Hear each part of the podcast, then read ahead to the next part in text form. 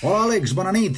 La cartellera nord-americana ofereix poques emocions aquest cap de setmana, amb l'estrena de dues cintes intrascendents. The Age of Adeline, una fantasia romàntica protagonitzada per Blake Lively, i un nou acostament a la fe titulat Little Boy. Adeline ja va recaptar gairebé 600.000 dòlars a les prèvies de dijous a la nit i es podrien filar els 15 milions diumenge, el que segurament no li permetrà destronar la setena entrega de Furious, que viu els seus últims dies al capdavant de la cartellera abans que la setmana entrant i rompi aquí allò que ja s'ha vist a mig món, la invasió d'Age of Ultron. A Adeline, Blake Lively interpreta una dona que deixa d'envellir als 29 anys d'edat producte d'un accident de cotxe.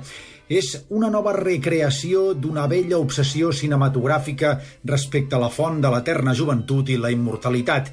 Clar que en aquest cas una aproximació de molt poc gruix, que només es salva per aportacions secundàries de personatges com l'interpretat per Harrison Ford, magnífic, ple de detalls com a home misteriós. Little Boy, per la seva part, és una faula situada a la Segona Guerra Mundial sobre la fe davant el pensament màgic i protagonitzada per Tom Wilkinson i Emily Watson, dirigits per Alejandro Monteverde. La cinta bordeja la manipulació en mostrar el noi protagonista provant davant d'una concurrència incrèdula que la força de la seva fe mou muntanyes just en el moment en què es produeix un terratrèmol. També irrompa la cartellera aquí Russell Crowe, director i protagonista de The Water Diviner, la història d'un home que busca redimir-se de la mort dels seus tres fills durant la invasió aliada de la península de Galípoli. L'home viatja a Turquia per trobar les restes de la seva descendència i donar-los l'enterrament cristià que li demana la mare dels finats.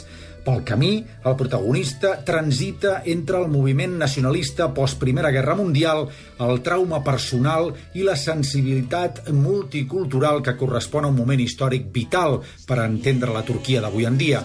La cinta, de manera lamentable, no fa cap al·lusió al genocidi armeni a la zona que precisament es commemora avui, malgrat que al guió està escrit que Turquia està constantment en guerra.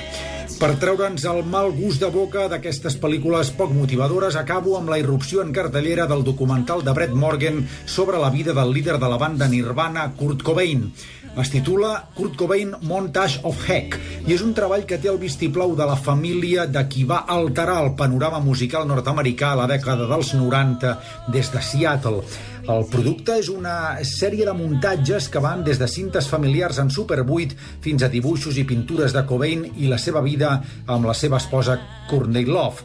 El documental esquiva el suïcidi de Cobain, però mostra el personatge permanentment autocrític, insinuant la inseguretat i la vergonya que hauria acabat amb la vida d'un músic genuí, original i atrevit. Això és tot per aquesta setmana, Àlex. Bona nit.